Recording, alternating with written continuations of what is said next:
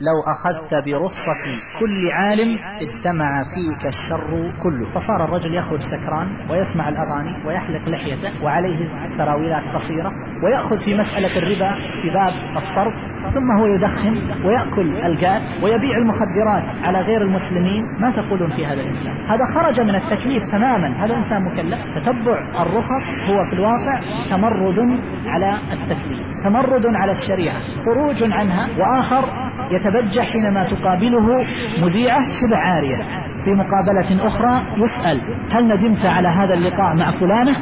فيقول لو عادت لعدت. مثل هذا لا يكون عدلا وإنما يكون فاسقا ومجاهرا أيضا بفسق فهذا حقه أن يعذر لا أن يستفتى ويسأل ويتعرف على الأحكام الشرعية عن طريق فما هو الواجب على المكلف؟ الواجب عليه في هذه الحالة الرد إلى الله تبارك وتعالى الرجوع إلى الكتاب والسنة. قال رسول الله صلى الله عليه وسلم الحلال بين والحرام بين وبينهما مشبهات.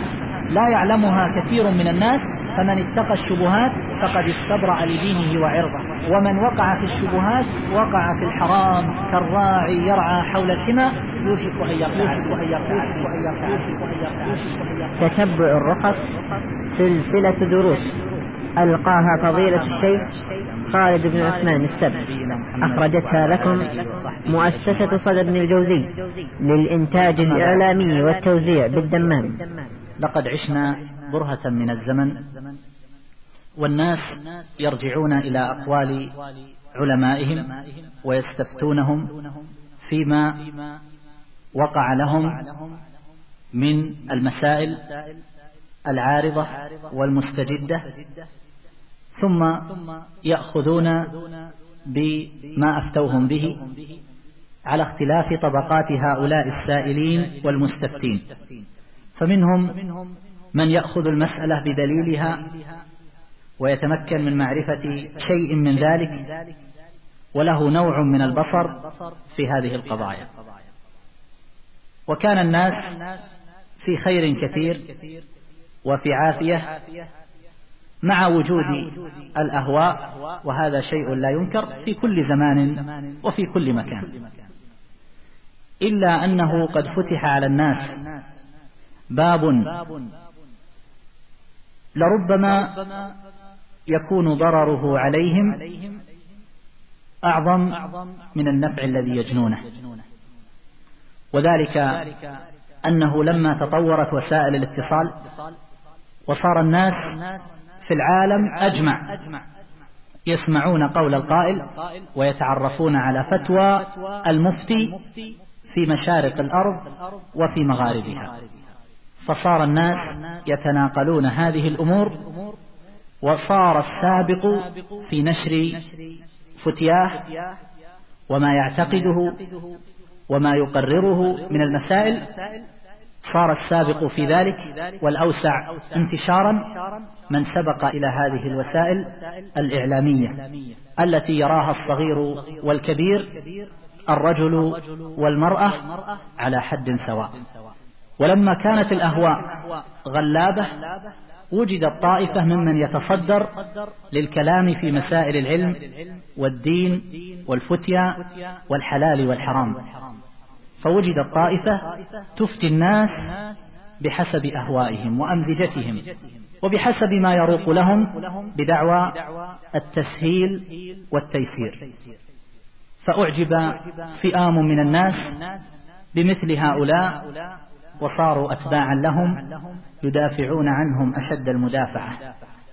بل لربما تنقصوا العلماء الذين لزموا كتاب الله وسنة نبيه صلى الله عليه وسلم واستمروا على الجادة الصحيحة التي تنضبط بها الفتيا الحاصل لما كانت الأهواء غلابة ووجد من يفتي الناس بحسب أهوائهم وصارت هذه الفتاوى تصل إلى جميع الناس عن طريق هذه الوسائل في الفضائيات وفي غيرها.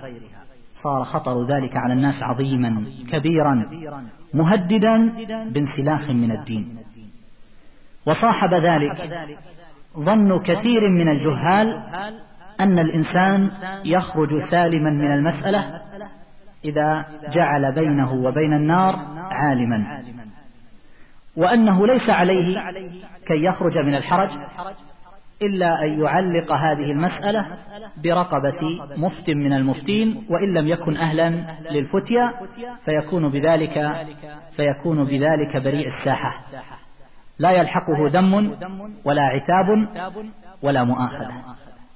والذي أريد أن أنبه عليه أيها الإخوة وهي مسألة أصلية مهمة وكل إنسان ينبغي أن يهتم بدينه. وبسلامة اعتقاده ومسلكه إلى الله تبارك وتعالى. أقول نصيحة لنفسي ونصيحة لإخواني.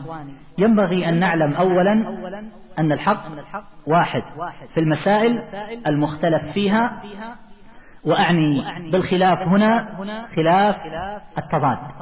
هذا يقول حرام وهذا يقول حلال.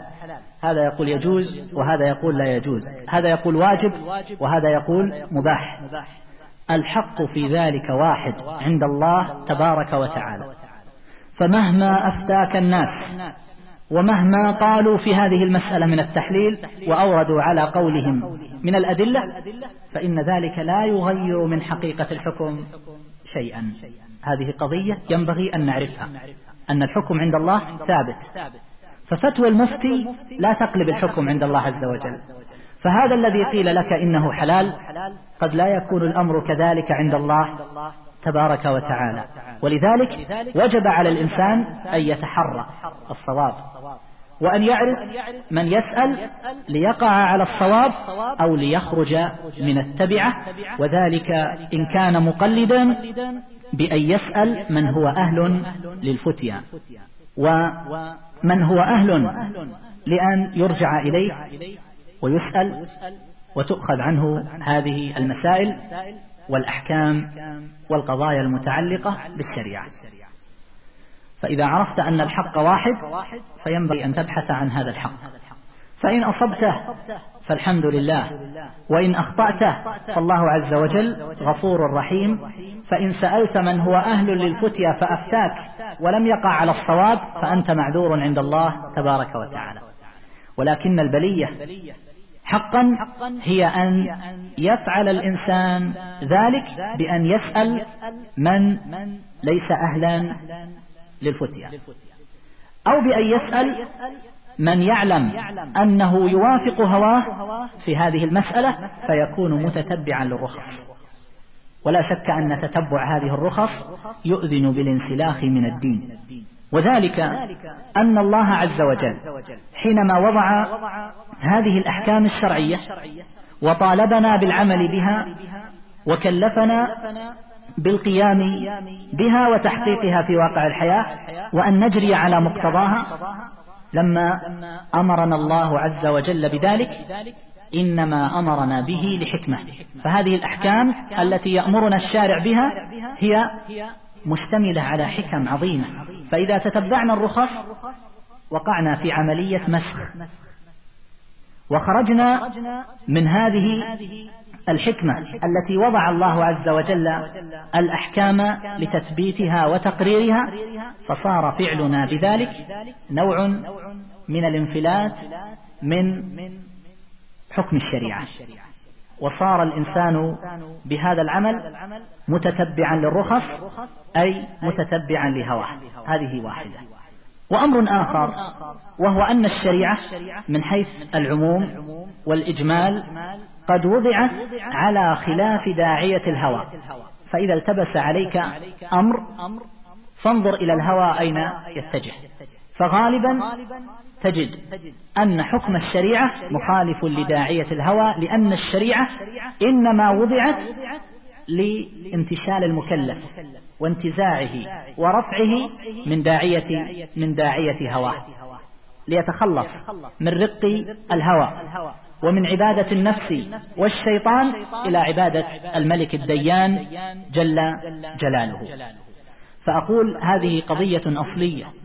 فإذا كان الإنسان متتبعا للرخص فهو في الواقع يدور يدور مع هواه حيث دار وصار مخالفا لقصد الشارع بوضع الشريعة وبتكليفه بها أي أن الشارع قصد انتشال المكلف من داعية الهوى. فإذا تتبع الإنسان الرخص صار دائرا مع هواه حيث دار. وأمر آخر أن تتبع الرخص مؤذن بسقوط التكاليف. فهذا الإنسان الذي يتبع الرخص ينظر في كل مسألة ما هو الأخف وما هو الأيسر في العمل وما هي الفتية التي ترخص له في مقارفة هذا الحرام فيفعل هذه الأشياء فيكون ذلك سببا في سقوط التكليف أصلا.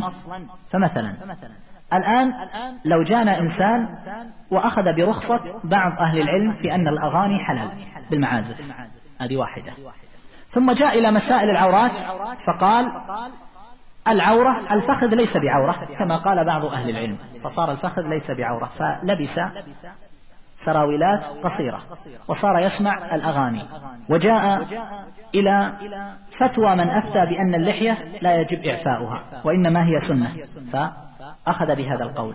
وجاء إلى من قال بأن التدخين حلال وصار يدخن.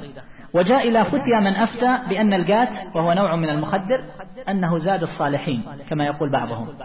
فصار يأكل من هذا الجات أو كما يقال خزن من هذا الجات. وجاء إلى فتيا مفت آخر يعلل لنفسه وهو يدرس أصول الفقه يقول تعليمي لكم الأصول واجب. ولا أتمكن إلا بالتدخين وما لا يتم الواجب إلا به فهو واجب.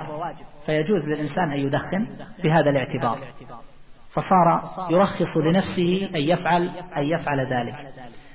وأخذ بقول من قال بأن صلاة الجماعة ليست بواجبة. وأخذ من قال بقول من قال بأن المتعة أن يتفق مع امرأة. أن يتفق على خلاف في التفاصيل. أن يتفق مع امرأة فيتزوجها ساعة. عقد لمدة ساعة أو يوم أو نصف يوم أو ساعتين بحسب الحاجة. ثم ينفسخ العقد تلقائيا بعد انتهاء المدة. نكاح المتعة المعروف.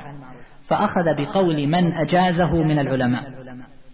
ثم جاء إلى قول أهل الكوفة في مسألة النبيذ المسكر فأخذ به فصار يشرب المسكرات من غير عصير العنب في زعمه أن ذلك يجوز وأنه أفتى به بعض السلف. فصار الرجل يخرج سكران وعليه سراويلات قصيرة ويسمع الأغاني ويحلق لحيته ويأخذ في مسألة الربا في باب الصرف يأخذ بقول طائفة من السلف في هذه المسألة ثم هو يدخن ويأكل الجات ويبيع المخدرات على غير المسلمين يأخذ بقول من قال إنه لا بأس ببيع الخمور والمخدرات والسموم ونحوها لمن؟ لغير المسلمين ممن يتعاطونها ويأكلونها ولا يرون بها بأسا لا مانع من الاتجار بها وجمع المليارات بهذه التجارة. ما تقولون في هذا الإنسان؟ هذا خرج هذا هذا خرج من التكليف تماما هذا إنسان مكلف. هذا إنسان غير مكلف. فأقول تتبع الرخص هو في الواقع تمرد على التكليف. تمرد على الشريعة خروج عنها وهذا الخروج بزعمه أنه بفتاوى. وهذه الفتاوى لا تنفعه عند الله تبارك وتعالى وإنما هو أراد أن يبرر لنفسه أمرا والله عز وجل الموعد. وأمر آخر أن العلماء قد أجمعوا على أن من تتبع الرخص فهو فاسق. من تتبع رخص الفقهاء فهو فاسق. والشارع قصد إثبات العدالة للمسلم. ونهاه عن كل موجب للفسق. فالفسق إنما يجر إليه فعل المحرمات وترك الواجبات. فتتبع الرخص نقل غير واحد من العلماء أنه أمر يوجب فسق من فعله. وقد قال ذلك الإمام أحمد رحمه الله. والمروزي ونقل الإجماع على فسقه ابن حزم وابن عبد البر وأبو الوليد الباجي من المالكية. وقال الأوزاعي رحمه الله من أخذ بنوادر العلماء خرج من الإسلام. وأمر آخر وهو أنه أن الواجب على المسلم في حال الاختلاف أن يرجع إلى من؟ أن يرجع إلى الله وإلى رسوله صلى الله عليه وسلم. فالله يقول وما اختلفتم فيه من شيء فحكمه إلى الله. ويقول فلا وربك لا يؤمنون حتى يحكموك فيما شجر بينهم. يعني فيما اختلفوا فيه. ثم لا يجدوا في أنفسهم حرجا مما قضيت ويسلموا تسليما. فالواجب في حال الاختلاف أن يرجع الإنسان إلى الله وإلى رسوله صلى الله عليه وسلم. والرجوع إلى الله رجوع إلى كتابه. والرجوع إلى النبي صلى الله عليه وسلم رجوع إلى سنته عليه الصلاة والسلام. هذا هو الواجب على المسلم وهذا هو الذي أمر الله به. فإذا تتبع الإنسان الرخص فهو في الواقع قد رجع إلى أين؟ يكون قد رجع إلى هوى النفس وشهوتها ومطلوباتها. ومحبوباتها ولم يكن محتكما إلى الله عز وجل وإلى رسوله صلى الله عليه وسلم وبالتالي لم يكن مستجيبا لنداء الله تبارك وتعالى وأمره وتوجيهه في مثل, في مثل هذه المقامات. فالحاصل أن من أخذ أحد القولين لمجرد التشهي فهو متبع للهوى وليس متبعا للكتاب والسنة وإن زعم أنه متبع لكتاب الله وسنة رسوله صلى الله عليه وسلم. ثم إن اتباع هذه الرخص سبب لذهاب هيبة الدين والتهاون بحرمات الشرع. ولو حدثتكم عن هذا لحدثتكم طويلا عن أمثلة يتلاعب فيها الناس بالشريعة. المثال الذي ذكرته آنفا. هذا الرجل الذي يدخن وهو يدرس أصول الفقه. ويقول تدريسي واجب وما لا يتم الواجب إلا به فهو واجب. أليس ذلك يكون سببا لذهاب هيبة الشرع؟ لا شك أنه كذلك. جاء رجل لبعض الفقهاء. وقد استأجر أرضا إجارة مشاعة. واستأجر رجل آخر جزءا آخر من هذه الأرض. ومسألة الشفعة إنما هي فيما يملك الإنسان وقد اختلف العلماء في المستأجر. هل فيه شفعة ولا لا؟ فالحاصل أن هذا الرجل سافر إلى بلد أو كان في ناحية فذهب الرجل الذي استأجر الناحية الأخرى إلى قاض أو عالم أو فقيه ممن يفتي بالرخص. فذهب إليه فحكم له بأنه لا شفعة. لما سمع أن ذاك الرجل المسافر يريد أن يستصدر حكما بالقول بالشفعة في هذه الأرض. ذهب واستصدر حكما من فقيه بأنه لا شفعة في الإجارة. فلما قدم هذا الرجل من السفر ذهب إلى هذا الفقيه وعرض عليه المسألة. قال هو أنت؟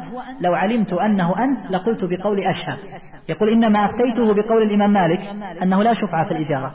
ولو علمت أنه أنت يعني صاحب الشق الآخر من الأرض لأفتيته بقول بقول أشهب حيث إن أشهب رحمه الله من علماء المالكية يقول بجواز الشفعة في الإجارة في المؤجر. واضح؟ فهو لما عرفه وكان صاحبا له أو بينه وبينه مودة قال لو علمت أنه أنت لقلت بالمسألة بقول, بقول آخر. ولها أمثلة كثيرة جدا ومن ذلك أن أحد الكبراء كان له قصر. وكان هذا القصر يشرف على مستشفى فيه المرضى ولربما بعض المجانين. فكان هذا الرجل الكبير يتأذى من رؤية المرضى كلما أطل من هذا القصر. وهذه الأرض التي فيها المستشفى كانت موقوفة وقفا. وكان المذهب في ذلك البلد يحكم أو يفتي أو تجري الفتوى فيه على قول المالكية. فالحاصل أن هذا الرجل الكبير عرض هذه المسألة على من؟ عرض هذه المسألة على طائفة من الفقهاء. فأفتوا بقول الإمام مالك رحمه الله وأن الموقوفات من العقارات والأراضي وغيرها لا يجوز نقلها بحال من الأحوال. فجاء رجل من الفقهاء وقال المشارقة يقولون بجواز نقل الأوقاف. أراد أن يتقرب إلى هذا الكبير بفتوى لا يدين الله بها وإنما أراد أن يتقرب إليه فجاء بهذا القول وبهذه الفتية التي لا يعمل بها في بلده من أجل التقرب إلى هذا الإنسان وكتب به بهذه الفتية وخالف جميع الفقهاء في بلده ثم كان ذلك سببا لحظوته وتقديمه وأشياء أخرى لا حاجة لذكرها. فعلى كل حال هذا الرجل إنما أفتى بهواه. فأقول هذا الإنسان إنما هو متبع للهوى قد تمرد على الشريعة ثم أيضا هو متناقض مع نفسه. هو متناقض مع نفسه. الناس الآن الذين يتبعون الرخص إذا جئت في مسائل فيها حيل على الربا قالوا فلان أفتى بها. فلان أفتى بها. وإذا جئت في مسائل المسح على الخفين قالوا العالم الفلاني الكبير الفقيه الزاهد العابد الورع يفتي بأن الخف المخرق لا حرج بالمسح عليه. لماذا تأخذون بفتياه في مسألة المسح على الخفين؟ ولا تأخذون بفتياه في مسائل أخرى لكم فيها هوى ما الذي حلل لكم هذا؟ هذا لا يسقط التبعة يا إخوة. عند الله تبارك وتعالى فينبغي للإنسان أن يحترز. فالعبد يخرج عن التكليف الذي قد شق عليه أو قد ثقل عليه أو قد كرهه أو قد خالف هواه يخرج عنه بتتبع رخص العلماء. فإذا كان له شهوة في أمر ما وجد قولا قد رخص له في هذا الشيء فاتبعه فمعنى ذلك أنه خرج من ربقة التكليف في هذه القضية. فإذا كان له شهوة في أمر آخر اتبع رخصة أو قولا ولو كان شاذا ثم بعد ذلك يكون قد تنصل من التزام هذا التكليف وهكذا فكلما كثر تتبعه للرخص كلما كان ذلك أكثر كلما كان ذلك أدعى إلى خروجه من ربقة التكليف. والعبودية لله تبارك وتعالى فيصير عبدا لهواه. وذكرنا أيضا أن العلماء قد أجمعوا على منع تتبع الرخص وقد نصوا على فسق من فعل ذلك وتحراه وتلمسه. ونقلنا آه، قول جملة من العلماء في هذه القضية لا سيما من نقلوا الإجماع على هذا المعنى. وذكرنا أيضا أن العبد يجب عليه في حال الاختلاف أن يرجع إلى الكتاب والسنة أن يرجع إلى الله وإلى رسوله صلى الله عليه وسلم فإذا تتبع الرخص كان راجعا في الواقع كان راجعا إلى هواه ولم يكن محتكما إلى نصوص الكتاب والسنة كما أمر الله عز وجل. فاختيار الأقوال بمجرد التشهي إنما هو اتباع للهوى وليس عبودية للرب المالك المعبود جل جلاله. وأيضا تتبع هذه الرخص يكون سببا لذهاب هيبة الدين. و استهانة بحرمات بحرمات الشريعة. وذلك أن الإنسان الذي يتتبع هذه الرخص هو في الواقع يكون متلاعبا بحدود الله تبارك وتعالى. كما فعل آه، بنو إسرائيل حينما احتالوا على الخروج من أحكام الله عز وجل. فحرم الله تبارك وتعالى عليهم الصيد أو العمل في يوم السبت ثم هم قد احتالوا على ذلك بأن نصبوا الشباك في يوم الجمعة ثم استخرجوها في يوم الأحد. فهذا في الواقع استخفاف بالتشريع وخروج عن نظامه وتلاعب بأحكام الله تبارك وتعالى. فأقول هذا الإنسان الذي يتتبع الرخص رخص العلماء أو يتتبع بعض الفتاوى الضعيفة الشاذة أو المبنية على مثل هذه الحيل هو متلاعب بالتشريع. فإذا أخذ رخصة هذا العالم في جواز سماع الأغاني والموسيقى والمعازف وأخذ رخصة ذلك العالم في أن الفخذ ليس بعورة وأخذ رخصة العالم الآخر في أن اللحية لا يجب إعفاؤها كما قال بعضهم لما رأيت هذا الأمر قد عم ووقع فيه كثير من الفضلاء أردت أن أخرجه على شيء تبرأ فيه ذممهم. أراد أن يخرج لهم فتوى بطريقة. فلم يجد قولا لأحد من أهل العلم المعتبرين يرخص في حلق اللحية. فيقول نظرت إلى قول عند الأصوليين وهو قول ضعيف في أن الأمر يدل على الاستحباب. المعروف المشهور عند الأصوليين أن الأمر يدل على الوجوب. فقول النبي صلى الله عليه وسلم أعفوا اللحى هذا أمر والأمر يدل على الوجوب فهذا يدل على وجوب إعفاء اللحية. فهناك قول لبعض الأصوليين في مسألة الأمر وهو أن الأمر يدل على القدر المجزوم به وهو الاستحباب.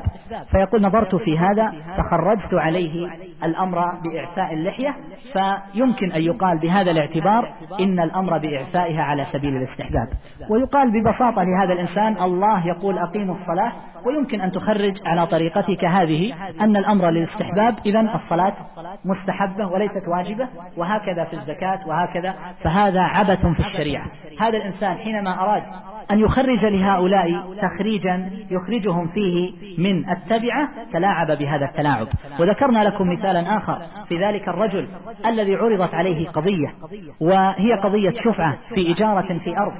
فلما كان صاحب الحق مسافرا سأل الطرف الآخر سأل هذا الرجل فأفتاه بأن لا شفعة في الإجارة. فلما قدم صاحب الحق وقابل هذا المسؤول قال له لو علمت أنك صاحب القضية لحكمت لك بقول أشهب من علماء المالكية فهو يقول بوقوع الشفعة أو بصحة الشفعة فيما يتعلق بالإجارة. وكان بعضهم يتفنن ويتبجح ويقول إذا كان لصديق لي قضية من القضايا أفتيته بما يكون سهلا ورخصة فهو يرى أن هذا من القدرات التي يتمكن من آه، خدمة أصحابه أو قرابته أو معارفه. ولا شك أن هذا عبث أن هذا عبث في الشريعة. ثم إن هذا الإنسان الذي يتتبع الرخص هو متناقض في نفسه. ولذلك فإن عبد الله بن المبارك حينما جاء إلى الكوفة وكانوا يرخصون في النبيذ المسكر. كانوا يقولون إن المسكر من آه، المسكر المحرم إنما هو من عصير العنب خاصة لأنه هو الذي كان يشرب في وقت نزول القرآن. فيقولون هذا هو الحرام. أما المسكرات من الأشياء الأخرى فإنها لا تحرم. فلما قدم عليهم ابن المبارك رحمه الله اجتمعوا عليه وعرضوا عليه هذه المسألة. فأخبرهم أن ذلك لا يحل. فقالوا قد رخص فيه فلان وفلان وفلان وفلان وذكروا جماعة من علماء التابعين. فقال لهم دعونا من تسمية الرجال. وأنتم ما تقولون في فلان وفلان وفلان؟ وذكر لهم عطاء الخراساني وذكر لهم طاووس بن كيسان وذكر لهم جابر بن زيد. وذكر لهم جملة من علماء التابعين. فقال ما تقولون في هؤلاء؟ فقالوا هؤلاء علماء وأئمة ولهم قدرهم ومنزلتهم. قال فما تقولون في بيع الدينار بالدينارين والدرهم بالدرهمين؟ فقالوا ربا لا يجوز. قال إن هؤلاء يرخصون في ذلك. يرخصون فيه. فما تقولون؟ فإن قلتم هؤلاء علماء فهؤلاء أيضا علماء. فإذا استرخصتم في شيء تشتهونه وهو شرب بعض المسكر لأن هؤلاء العلماء أفتوا بجوازه فأيضا رخصوا في الأشياء الأخرى. لماذا تقولون إنها إنها حرام؟ ثم أيضا أمر آخر يترتب على تتبع هذه الرخص أن هذا الإنسان الذي يتتبع الرخص هو في الواقع يؤول الأمر به إلى الخروج على قول الجميع. فعلى سبيل المثال رجل أخذ بقول الإمام مالك رحمه الله في أن القهقهة لا تبطل الصلاة أو أنها لا تنقض أو أنها لا تنقض الوضوء. والأحناف يقولون بأن القهقهة تبطل الوضوء وبالتالي تبطل معها تبطل معها الصلاة. فإذا أخذ بهذا القول وهو مثلا من الأحناف. ومذهبهم أنها تبطل الصلاة وتبطل الوضوء. فهو أخذ بقول الإمام مالك ثم هو أيضا أخذ بقول آخر في أن الوضوء يكفي فيه مسح ثلاث شعرات مسح الرأس. ومعلوم أن هذا قول أيضا لبعض الفقهاء. وأخذ أيضا بقول آخر وهو أنه يكفي في الرجلين المسح فقط. وهذا قال به أيضا بعض الفقهاء أخذا بقراءة الجر في قوله تبارك وتعالى وامسحوا برؤوسكم وأرجلكم إلى الكعبين فتصور هذا الإنسان الذي يمسح على رجليه في الوضوء ويمسح في رأسه ثلاث شعرات فقط ويرى أن القهقهة مثلا لا تبطل وهي كذلك لا تبطل الوضوء فهو في الواقع خرج على قول الجميع فجميع العلماء لا يقولون بأن هذه القضايا مجتمعة غير مؤثرة لكن بعضهم يرى أن هذه القضية غير مؤثرة والآخر يرى أن القضية الأخرى غير مؤثرة والثالث يرى أن القضية الثالثة غير مؤثرة لكن ما أحد منهم يقول بأن هذه القضايا جميعا إذا اجتمعت في إنسان فإن صلاته صحيحة. إذا اجتمعت فيه فصلاته باطلة عند عند الجميع وهكذا. فهذا الذي يتتبع هذه الرخص في الواقع يكون خارجا على قول الجميع. ولو نظرنا إلى هؤلاء الناس الذين يتتبعون الرخص ما هي حجتهم لربما يحتجون بيسر الشريعة. وأن, وأن الله عز وجل قال ما جعل عليكم في الدين من حرج. وبقول النبي صلى الله عليه وسلم يسروا ولا تعسروا أخرجه الشيخان. فيقال لهؤلاء الناس هذه الشريعة قد بنيت على التسهيل والتيسير وهي شريعة ميسرة. ولكن التيسير والتسهيل إنما هو مضبوط مزموم بحكم الشرع لا بالتشهي والهوى. ليس معنى يسر الشريعة أنك تشرع لنفسك وأنك تتخير بحسب أهوائك فتخرج عن أحكام التكليف. إنما معنى يسر الشريعة أن الله لم يكلفنا ما لا نطيق وأن الله عز وجل في حال الحرج والمشقة الكبيرة فإن الله تبارك وتعالى ييسر علينا ويخفف عنا الأحكام. فمثلا في السفر يجوز لك الفطر وإذا سافرت فإن الصلاة الرباعية تقصر إلى ركعتين. وكذلك من لا يطيق الحج فإنه يسقط عنه. من لا يستطيع القيام في الصلاة فإنه يصلي وهو قاعد. من لا يستطيع الصلاة وهو قاعد فإنه يصلي على جنب. إذا قال له الطبيب إن العين تتضرر من السجود والركوع فيمكنه فيمكنه الإيماء. هذا معنى يسر هذه الشريعة. فهي شريعة سهلة شريعة ميسرة بضوابطها الشرعية. أما أن أن يفهم الإنسان أن يسر الشريعة يعني أن نتلاعب بأحكام الله عز وجل. كيفما أردنا وأننا نتخير من أقوال العلماء الشاذة ما نجعله دينا لنا نتدين الله تبارك وتعالى به فهذا غير صحيح. وأما المشقات فإن المعتبر منها هي المشقات التي لا تكون محتملة أو تكون معتبرة في الشرع. هذه التي يترتب عليها التيسير كما هي القاعدة في أن المشقة تجلب التيسير وأن الأمر إذا ضاق اتسع. هذا معنى هذه القواعد. أما المشقة التي تكون باعتبار مخالفة الهوى فهذه مشقة ليست معتبرة. كالذي يقول مثلا إن هواه يخالف قيامه من نومه لصلاة الفجر. فهذه مشقة غير معتبرة. وآخر يقول يشق علي الوضوء. فإني لا أحتمل الماء. مثلا فأريد أن أتيمم وأنا في البلد فنقول هذه مشقة غير معتبرة والآخر يقول أنا أكسل عن غسل الجنابة مثلا فنقول هذه مشقة غير معتبرة لأنها مخالفة مخالفة للهوى. وهكذا الذي يقول أنا يشق علي الصيام فنقول إن كانت هذه المشقة معتبرة أن يكون الإنسان مريضا أو أن يكون قد تقدم به السن بحيث أنه يعجز عن الصيام أو أن الصيام يضره أو كانت المرأة حاملا أو نحو ذلك فهذا يرخص له في الفطر. أما إذا كان مجرد أن أنه يجوع أو يحرم نفسه غداءه أو نحو ذلك فهذه مشقة غير معتبرة. هذا ضابط المشقات. ولربما يحتج بعضهم أيضا بأن الخلاف رحمة ويحتجون بقول بقول بعض السلف خلاف أمتي رحمة.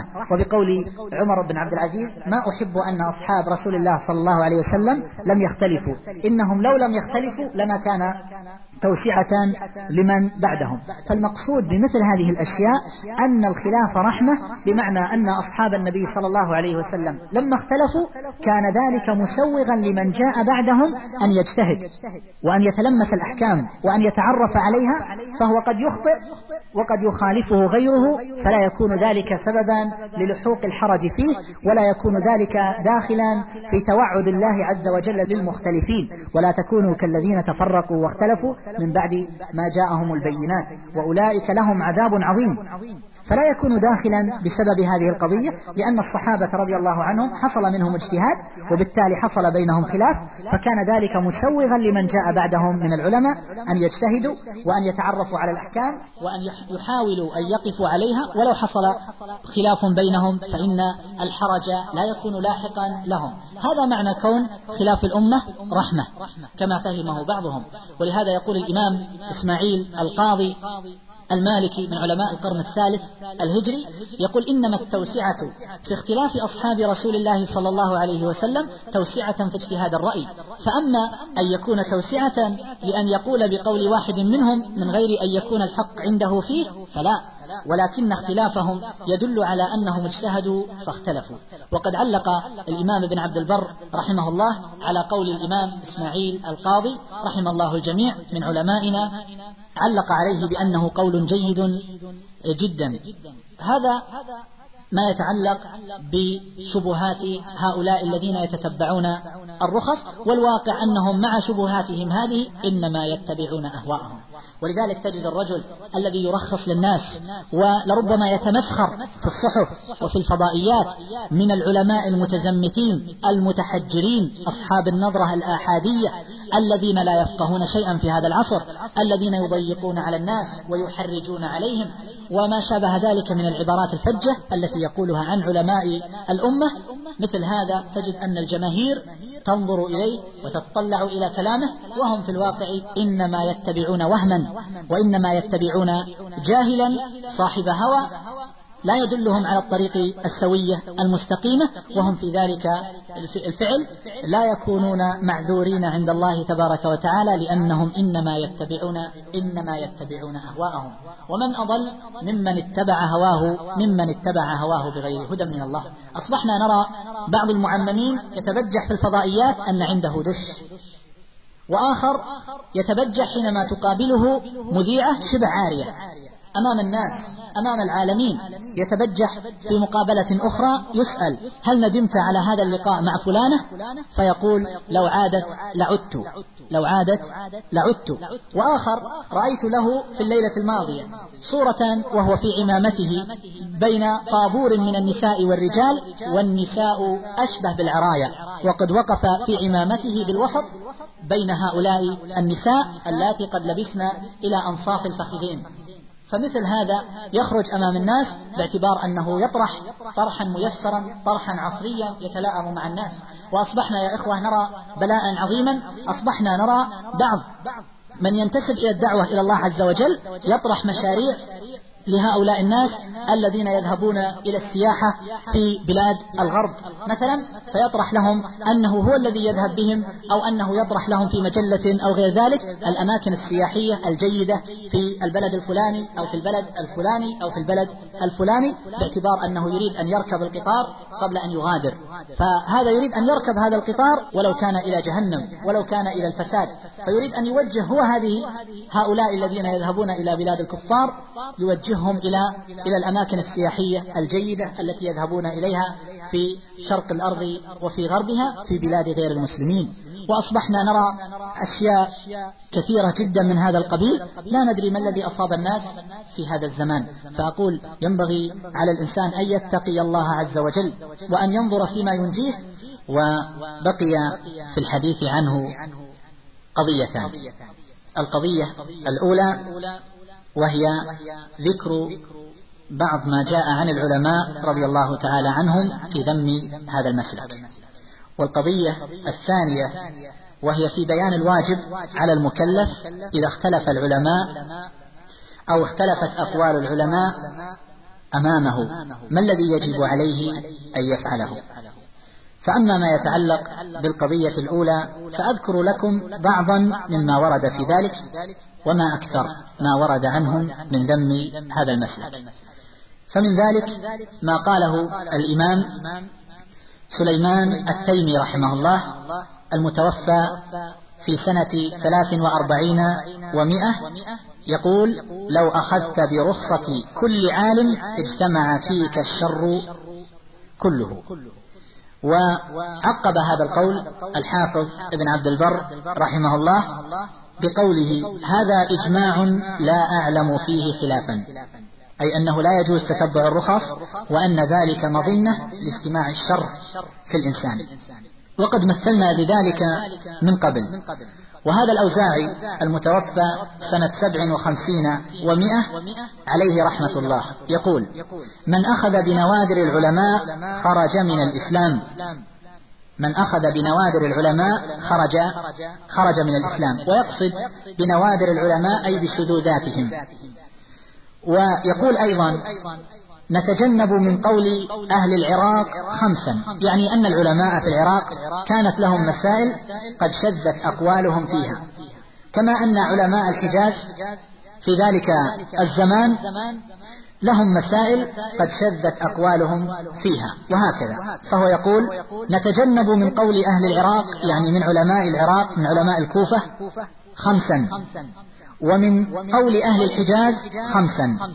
يقول في بيان المسائل التي تجتنب من قول أهل العراق يقول شرب المسكر وبقي في الحديث عنه قضيتان. القضية الأولى وهي ذكر بعض ما جاء عن العلماء رضي الله تعالى عنهم في ذم هذا المسلك. والقضية الثانية وهي في بيان الواجب على المكلف إذا اختلف العلماء أو اختلفت أقوال العلماء أمامه.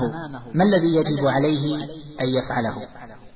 فأما ما يتعلق بالقضية الأولى فأذكر لكم بعضا مما ورد في ذلك وما أكثر ما ورد عنهم من ذم هذا المسلك.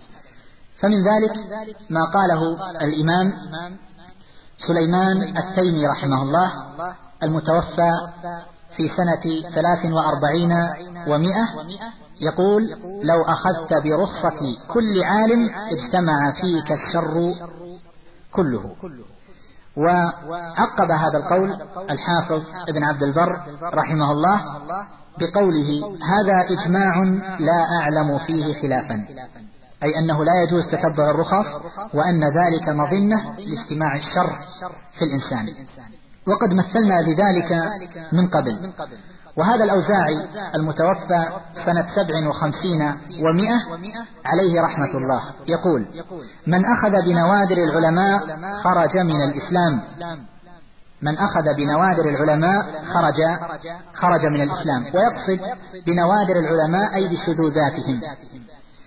ويقول أيضا نتجنب من قول أهل العراق خمسا. يعني أن العلماء في العراق كانت لهم مسائل قد شذت أقوالهم فيها. كما أن علماء الحجاز في ذلك الزمان لهم مسائل قد شذت أقوالهم فيها. وهكذا. فهو يقول نتجنب من قول أهل العراق يعني من علماء العراق من علماء الكوفة خمسا. ومن قول أهل الحجاز خمسا. يقول في بيان المسائل التي تجتنب من قول أهل العراق يقول شرب المسكر لأن أهل الكوفة. في ذلك الوقت كان كثير من علمائهم يقولون لا بأس بالنبيذ من غير من غير عصير العنب باعتبار أن الخمر التي جاء تحريمها ونزل ذلك في القرآن كانت مما يتخذ من عصير العنب. فكانوا يترخصون في ذلك النبي فيقول لا نوافقهم. على هذا على هذا القول. قال والأكل عند الفجر في رمضان. يعني بعد طلوع بعد طلوع الفجر. فقد جاءت جملة من الآثار عن, عن السلف رضي الله تعالى عنهم أو عن بعض السلف حيث إن بعضهم كان يترخص في الأكل حتى الإسفار فهذا مشكل فلا ينبغي أن يتابع القائل بذلك على هذا القول. قال ولا جمعة إلا في سبعة أمصار. يعني هذا قولهم فهم لا يتابعون عليه. قال وتأخير العصر حتى يكون ظل كل شيء أربعة أمثاله. ولا شك أن العصر تصلى في أول الوقت قبل قبل اصفرار قبل اصفرار الشمس. قال والفرار يوم الزحف. فهو من الكبائر. فهم لا يتابعون في هذه الخمس. قال ومن قول أهل الحجاز استماع الملاهي. فقد نقل هذا عن بعض عن بعض علماء المدينة في زمان التابعين. فقال والجمع بين الصلاتين من غير عذر. بناء على حديث ابن عباس رضي الله عنهما أن النبي صلى الله عليه وسلم جمع بين الصلاتين لغير من غير مرض. قال والمتعة بالنساء. يعني أن يتزوج امرأة بعقد مؤقت أن يعقد بينها عقدا على يوم أو على ساعة أو نحو ذلك بمقابل شيء من العطاء بمهر يسميه بثوب أو بدينار أو بدينار أو نحو ذلك فهو ينكحها بهذه الطريقة ثم بعد ذلك ينقضي هذا العقد بانقضاء المدة. من غير طلاق. فهذا لا يجوز. وكان ذلك مرخصا فيه في أول الأمر ثم بعد ذلك نسخ. ولا زال بعض العلماء بعد نسخه يقولون إنه لم ينسخ لم يعلموا بالناسخ. فمن تابع هؤلاء على هذا القول وقع في الزنا. قال والدرهم بالدرهمين والدينار بالدينارين يدا بيد. نحن تكلمنا في بعض الليالي الماضية عن الربا. وقلنا إنه لا بد في الأموال الربوية كالذهب والفضة وغيرها لا بد فيها من أي لا بد فيها من التقابض. ولا بد إذا اتحد الجنس إذا اتحد فيها الجنس من التساوي. لا بد من التساوي. فكان بعض علماء الحجاز يرخص إذا كان ذلك على سبيل التقابض يرخص بالدرهم في مقابل الدرهمين. والدينار في مقابل الدينارين. قال وذكر خامسة لا أريد لا أريد أن أذكرها. كان بعضهم يترخص بها.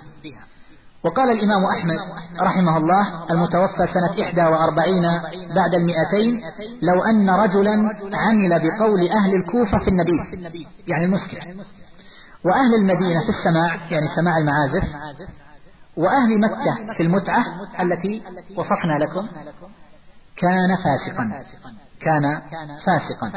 ويقول الإمام إسماعيل القاضي المالكي المتوفى سنة اثنتين وثمانين بعد المئتين. يقول دخلت على المعتضد يعني الخليفة في أيام خلافته. فرفع إلي كتابا لأنظر فيه. وقد جمع فيه المؤلف الرخص من زلل العلماء. يعني هذا كتاب قد جمعت فيه الرخص والأقوال الشاذة المرخصة من أقوال أهل العلم وأعطي لهذا الخليفة. يقول وما احتج به كل منهم. فقلت مصنف هذا زنديق. هذا رجل أراد أن يتقرب إلى الخليفة بجمع هذه الرخص له. فقال الإمام إسماعيل مصنف هذا زنديق. ثم قال لم تصح هذه الأحاديث على ما رويت ولكن من أباح المسكر لم يبح المتعة. يعني يقول هذا الذي جمع لك هذه الأشياء هي بمجموعها لا يقول بها عالم. وإنما بعض العلماء شذ في مسألة والآخر شذ في مسألة والثالث شذ في مسألة والرابع شذ في مسألة ولا أحد منهم أبدا يرخص في هذه الأشياء مجتمعة وقد جمعت إليك في كتاب. يقول ولكن من أباح المسكر لم يبح المتعة. ومن أباح المتعة لم يبح الغناء والمسكر. وما من عالم إلا وله زلة. وما من عالم إلا وله زلة. ومن جمع زلل العلماء ثم أخذ بها ذهب دينه. ومن جمع زلل العلماء ثم أخذ بها ذهب دينه. فأمر المعتضد بإحراق ذلك الكتاب. ويقول الحافظ بن حزم رحمه الله المتوفى سنة 56 بعد الأربعمائة في بيان طبقات المختلفين. يقول وطبقة أخرى وهم قوم بلغت بهم رقة الدين وقلة التقوى إلى طلب ما وافق أهواءهم في قول كل قائل. فهم يأخذون ما كان رخصة من قول كل عالم مقلدين له غير طالبين ما أوجبه النص عن الله تعالى وعن رسوله صلى الله عليه وسلم. وقد حكى ابن حزم رحمه الله الإجماع على أن تتبع رخص المذاهب بغير مستند شرعي فسق لا يحل. ويقول أبو الوليد الباجي المالكي المتوفى سنة أربع وتسعين بعد الأربعمائة مبينا ما وقع في زمانه من عموم هذه البلوى. ومن فشوها وانتشارها حيث إن العامة صاروا يسألون العلماء عن المسألة فإذا أفتوهم قالوا ألا يوجد؟ قول آخر أليس في المسألة رخصة؟ فاجترأ هؤلاء العامة على العلماء بسبب أن بعض العلماء فتح لهم فتح لهم هذا الباب. يقول وكثيرا ما يسألني من تقع له مسألة من الأيمان ونحوها. رجل يحلف لعل فيها رواية أو لعل فيها رخصة يعني لعل فيها قولا آخر عن الإمام أو رواية عنه أو لعل فيها رخصة. يقول وهم يرون أن هذا من الأمور الشائعة الجائزة. ولو كان تكرر عليهم إنكار الفقهاء لمثل هذا لما طالبوا لما طالبوا به. يقول لو أن الفقهاء ينكرون عليهم مثل هذه المطالبات لما اجترأوا لما اجترأوا عليها ولا طلبوه مني ولا من سواي. وهذا مما لا خلاف بين المسلمين ممن يعتد به في الإجماع أنه لا يجوز ولا يسوغ ولا يحل لأحد أن يفتي في دين الله إلا بالحق الذي يعتقد أنه حق. رضي بذلك من رضيه وسخطه من سخطه. وإنما المفتي مخبر عن الله تعالى في حكمه فكيف يخبر عنه إلا بما يعتقد أنه حكم به وأوجبه. والله تعالى يقول لنبيه عليه الصلاة والسلام وأن احكم بينهم بما أنزل الله ولا تتبع أهواءهم. فكيف يجوز لهذا المفتي أن يفتي بما يشتهي أو يفتي زيدا بما لا يفتي به عمرا لصداقة تكون بينهما أو غير ذلك من الأغراض؟ وإنما يجب على المفتي أن يعلم أن الله أمره أن يحكم بما أنزل الله من الحق فيجتهد في طلبه ونهاه أن يخالفه وينحرف عنه وكيف له الخلاص إلى آخر ما ذكر رحمه الله. فهذه بعض أقوال العلماء في التحذير من تتبع الرخص بقي في الحديث الكلام على الواجب على المكلف حينما يطلب الحكم في مسألة من المسائل. فأقول الواجب عليه في هذه الحالة الرد إلى الله تبارك وتعالى الرجوع إلى الكتاب والسنة. فيطلب الحكم الشرعي منهما إن كان أهلا للنظر والاستنباط واستخراج الأحكام. وإن لم يكن أهلا لذلك فإن العلماء هم الذين يبينون الأحكام من الكتاب والسنة وهم الذين يستخرجون ذلك. هذا هو الواجب على المكلف لا أن يتتبع الرخص لأنه يكون راجعا في هذه الحالة إلى هواه لا إلى الكتاب والسنة والله عز وجل يقول وما اختلفتم فيه من شيء فحكمه إلى الله. ويقول فلا وربك لا يؤمنون حتى يحكموك فيما شجر بينهم ثم لا يجدوا في أنفسهم حرجا مما قضيت ويسلموا تسليما. يقول الخطابي رحمه الله بعدما ذكر الخلاف في مسألة المسكر من غير عصير العنب يقول عن بعض الناس الذين يفتون الناس بالرخص أو يبحثون عن الرخص لأنفسهم فينفلتوا من أحكام الشريعة. يقول هذا القائل إن الناس لما اختلفوا في الأشربة وأجمعوا على تحريم خمر العنب واختلفوا فيما سواه حرمنا ما اجتمعوا على تحريمه وأبحنا ما سواه. يريد أن يقول نحن نبقى على الأمر المتفق عليه وأما الأمور المختلف فيها فنحن نتخير منها ما نشاء. يقول الخطابي رحمه الله وهذا خطأ فاحش. وقد أمر الله تعالى المتنازعين أن يردوا ما تنازعوا فيه إلى الله والرسول. ولو لزم ما ذهب إليه هذا القائل للزم مثله في الربا والصرف يعني بيع الدرهمين بالدرهم وبيع الدينارين بالدينار. فقد رخص بهذا بعض الفقهاء. يقول ونكاح المتعة. فقد جاء أيضا عن بعض السلف القول بجوازه فلم يبلغهم النسخ. يقول لأن الأمة قد اختلفت فيها. إلى أن قال وليس الاختلاف حجة. وبيان السنة حجة على المختلفين من الأولين والآخرين. فلا يحتج أحد بأن هذه المسألة خلافية ثم يتخير بعد ذلك من الأقوال ما شاء. هذه نقطة أساسية ينبغي أن ندركها وأن نعرفها. الأمر الآخر هو أن وجود الخلاف كما سبق لا يسوغ لك أن تأخذ بأي الأقوال شئت. يقول الخطيب البغدادي رحمه الله فإن قال قائل فكيف تقول في المستفتي من العامة؟ إذا أفتاه الرجلان واختلفا فهل له التقليد؟ هذا إنسان عامي لا يستطيع أن يستخرج الأحكام من الكتاب والسنة. فهذا قال له يجوز وهذا قال له فهذا قال له لا يجوز. يقول نقول له إن شاء الله هذا على وجهين. أحدهما إن كان العامي يتسع عقله ويكمل فهمه إذا عقل أن يعقل وإذا فهم أن يفهم فعليه أن يسأل المختلفين عن مذاهبهم وعن حججهم فيأخذ بأرجحها عنده. فإن كان عقله يقصو عن هذا وفهمه لا يكمل له وسعه التقليد لأفضله ما عنده. ويقول ابن عبد البر رحمه الله والواجب عند اختلاف العلماء طلب الدليل من الكتاب والسنة والإجماع والقياس على الأصول والقياس على الأصول منها.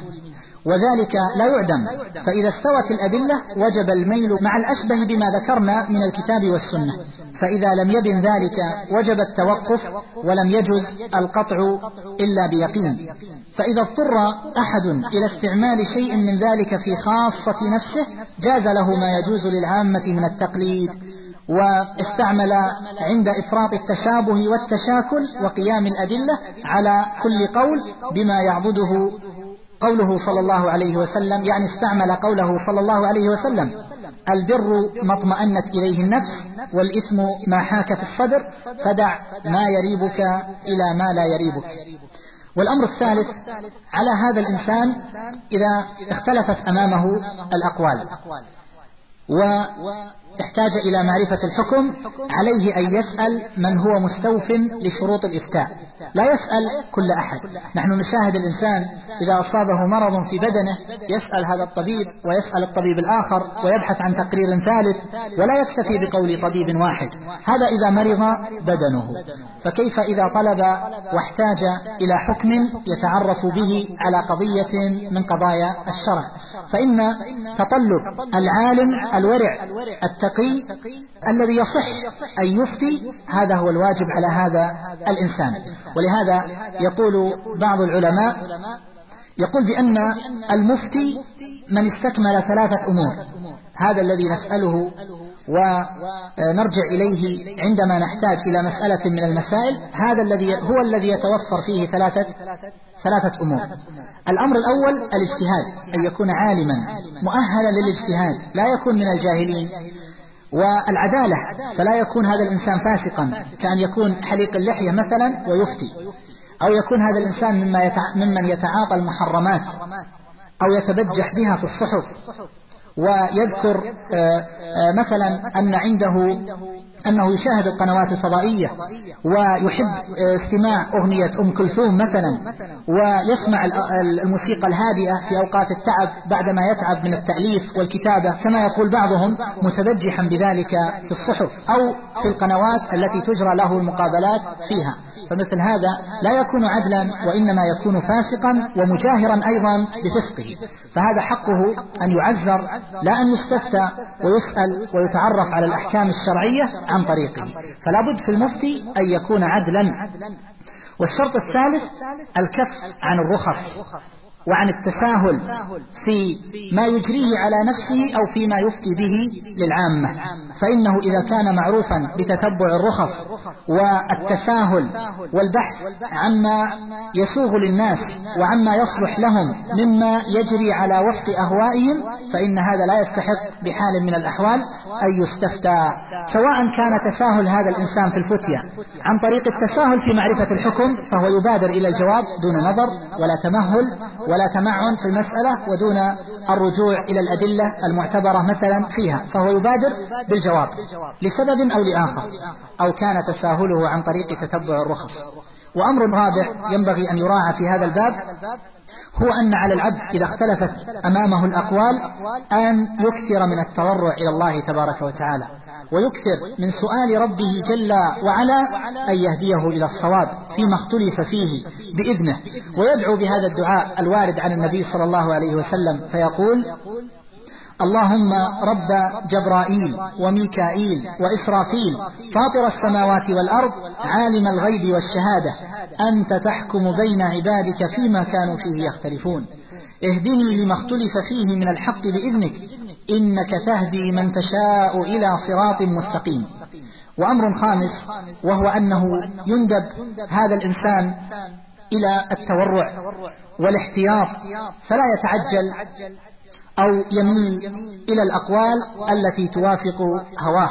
ويكفينا في ذلك ما أخرجه الشيخان من حديث النعمان بن بشير رضي الله تعالى عنه مرفوعا إلى النبي صلى الله عليه وسلم في الحديث المشهور الحلال بين والحرام بين وبينهما مشبهات لا يعلمها كثير من الناس فمن اتقى الشبهات فقد استبرأ لدينه وعرضه ومن وقع في الشبهات وقع في الحرام كالراعي يرعى حول الحمى يوشك أن يرتع فيه. الحديث. فأقول ينبغي للإنسان أن يحذر لأن هذا الذي يحوم حول الشبهات هو يحوم حول الحرام وإن أفتاه الناس وأفتوه كما أخرج الإمام أحمد والدارمي والترمذي والحاكم بإسناد صحيح من حديث الحسن بن علي بن أبي طالب رضي الله تعالى عنهما قال قال رسول الله صلى الله عليه وسلم دع ما يريبك إلى ما لا يريبك الشيء الذي تتشكك فيه ولا تطمئن إلى الفتوى فيه دعه وابحث عن شيء واضح لتكن على جادة ولتكن على بينة من أمرك قبل أن تقع في الأمر الذي تؤاخذ به وتؤخذ. دع ما يريبك إلى ما لا يريبك فإن الصدق طمأنينة وإن الكذب ريبة. وكون الصدق طمأنينة والكذب آه، ريبة معناه إذا وجدت نفسك ترتاب في الشيء فاتركه. فإن نفس المؤمن كما قال بعض العلماء تطمئن إلى الصدق وترتاب في الكذب. فارتيابك من الشيء منبئ عن كونه مظنة للباطل فاحذره. وطمأنينتك للشيء مشعر بحقيقته فتمسك به. ويقول بعض أهل العلم في معنى الريبة هنا يقول هي قلق النفس واضطرابها. فإن كون الأمر مشكوكا فيه مما تقلق له النفس وكونه صحيحا صادقا مما تطمئن إليه النفس. وقد أخرج الإمام مسلم رحمه الله في صحيحه من حديث النواس ابن سمعان رضي الله تعالى عنه قال سألت رسول الله صلى الله عليه وسلم عن البر والإثم فقال البر حسن الخلق والإثم ما حاك في صدرك وكرهت أن يطلع عليه الناس. والإثم ما حاك في صدرك وكرهت أن يطلع عليه الناس. يقول المناوي رحمه الله تعالى في معنى قول النبي صلى الله عليه وسلم وكرهت أن يطلع عليه الناس أي وجوههم أو أماثلهم الذين يستحيا منهم. يعني لا الأراذل أو الناس الذين قد ألفتهم وسقطت كلفتك عنهم. لا وإنما المقصود وجوه الناس وأماثل الناس الذين يستحيا من مثلهم.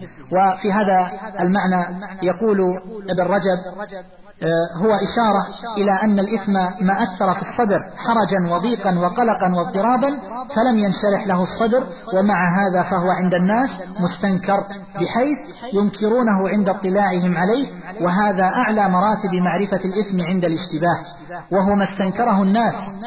فاعله وغير فاعله أي أن فاعله يستنكر ذلك في نفسه وغير فاعله يستنكر ذلك على من رآه قد فعله. يقول ومن هذا المعنى قول ابن مسعود رضي الله عنه ما رآه المؤمنون حسنا فهو عند الله حسن وما رآه المؤمنون قبيحا فهو عند الله قبيح ومما جاء في هذا المعنى أيضا حديث وابصة ابن معبد عند الإمام أحمد والدارمي والطبراني في الكبير بإسناد صحيح إن شاء الله. قال أتيت رسول الله صلى الله عليه وسلم فقال جئت تسأل عن البر والإثم. قلت نعم. قال استفت قلبك. استفت قلبك. البر ما اطمأنت إليه النفس واطمأن إليه القلب. والإثم ما حاك في النفس وتردد في الصدر وإن أفتاك الناس وأفتوك. يقول ابن رجب رحمه الله وأما ما ليس فيه نص من الله ولا رسوله ولا عمن يقتدى بقوله من الصحابة وسلف الأمة. يعني متى يستفتي الإنسان قلبه؟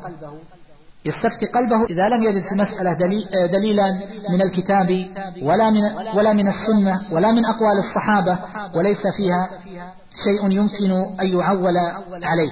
يقول فإذا وقع في نفس المؤمن المطمئن قلبه بالإيمان يعني لا المؤمن الذي يتتبع الأهواء نعم يقول المنشرح صدره بنور المعرفة واليقين يقول يعني إذا وقع منه شيء وحك في صدره بشبهة موجودة ولم, ولم يجد من يفتي بالرخصة إلا من يخبر عن رأيه وهو ممن لا يوثق بعلمه ودينه. يقول إذا ما وجدت أحد تثق بفتواه في هذه الحالة وليس فيها في المسألة دليل لا من الكتاب ولا من, من السنة ولا من أقوال السلف رضي الله عنهم يقول بل هو معروف يعني هذا المفتي. باتباع الهوى فهنا يرجع المؤمن إلى ما حاك في صدره وإن أفتاه هؤلاء المفتون.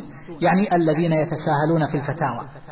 وفي قول النبي صلى الله عليه وسلم وإن أفتاك المفتون يقول ابن رجب يعني أن ما حاك في صدر الإنسان فهو إثم وإن أفتاه غيره بأنه ليس بإثم فهذا مرتبة ثانية وهو أن يكون الشيء مستنكرا عند فاعله دون غيره وقد جعله أيضا إثما وهذا إنما يكون إذا كان صاحبه ممن شرح صدره للإيمان وكان المفتي يفتي بمجرد ظن أو ميل إلى هوى من غير دليل شرعي.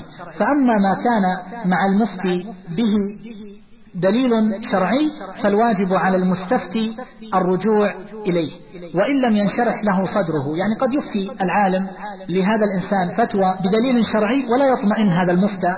فهنا عدم الاطمئنان آه، ليس معتبرا. يقول ابن رجب وهذا كالرخصة الشرعية مثل الفطر في السفر والمرض وقصر الصلاة في السفر ونحو ذلك مما لا ينشرح فيه صدر, صدر كثير من الجهال فهذا لا عبرة به. يريد أن يقول بأن بعض العامة إذا كان مريضا ومرضا آه، يصح معه الفطر أو يوجب الفطر. فأفتاه العالم وقال ليس عليك صيام مع هذا المرض. فإن بعض العامة لا تطيب نفسه بهذه الفتية. يقول هذا لا يعتبر وهذا الحرج الذي وجد في نفس هذا العامي لا يعتد لا يعتد به. وإنما آه، وإنما يرجع الإنسان إلى ما حاك في صدره. وإن أفتاه المفتون حينما لا يكون عندهم دليل في المسألة ولا سيما إذا كانوا يتتبعون يتتبعون الرخص ويتساهلون أو أنه سأل آه، رجلا ليس أهلا ليس أهلا للفتية. فأين هذا أيها الإخوان؟ ممن يبحثون عن من كان على هذه الشاكلة ابتداء ويتركون من يقول قال الله قال رسوله لأن هذا الذي يقول قال الله قال رسوله قال الصحابة هذا في نظر كثير من هؤلاء أصحاب أعني أصحاب الأهواء هؤلاء ممن يتشددون وممن أصابهم التحجر وممن يعيشون آه، لا زالوا يعيشون في عقلية القرون القرون الوسطى. ونحن في كل يوم نقرأ ونسمع أقواما يتكلمون يتكلمون بمثل هذا الكلام. هذا اليوم قرأت لكاتب من الكتاب. يعيب رجلا تكلم بكلام حق حينما أفتى حينما تكلم بتحريم بتحريم الموسيقى وتحريم ظهور النساء على على الشاشة الفضية. يقول يتهكم به. يقول هذا تكلم بعقلية القرون الوسطى. لا زال يعيش يعيش عصورا قد عفى عليها الدهر وتجاوزها الناس. هذا في نظر هذا كاتب إنسان متحجر لا يرجع إليه ولا يسمع لفتواه وإن جاء بألف دليل من الكتاب والسنة.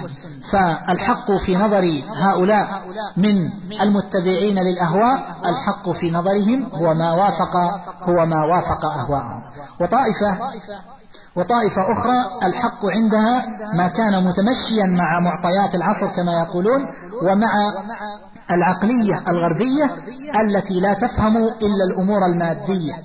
أما الذي يتحدث عن الدليل ويتكلم عن الأحكام الشرعية سواء كانت مدركة آه، من جهة التعليل أو كانت غير مدركة فإن هذا في نظرهم لا يصح أن يفتي ولا يصح أن يرجع إليه في الفتية. أقول هذه الأمور التي سمعتموها. تورث من سمعها بإذن الله عز وجل معرفة بمن يصح أن يستفتى ومن لا يصح أن يستفتى. ومن الذي يؤخذ قوله ومن الذي لا يؤخذ قوله وكلامه وفتيه فينبغي على العاقل المؤمن أن يتبصر وأن يعتبر وأن ينظر في الأمر الذي ينجيه عند الله تبارك وتعالى فهو مهما اتبع أقوال هؤلاء المرخصين فإن ذلك لا يطلقه عند الله عز وجل ولا يبرئ ذمته وإنما الذي يبرئ الذمة هو أن يستفتي العامي من يثق بعلمه ودينه وورعه. هذا وصلى الله عز وجل أن ينفعنا وإياكم بما سمعنا وأن يجعلنا وإياكم هداة مهتدين وصلى الله وسلم على نبينا محمد وآله وصحبه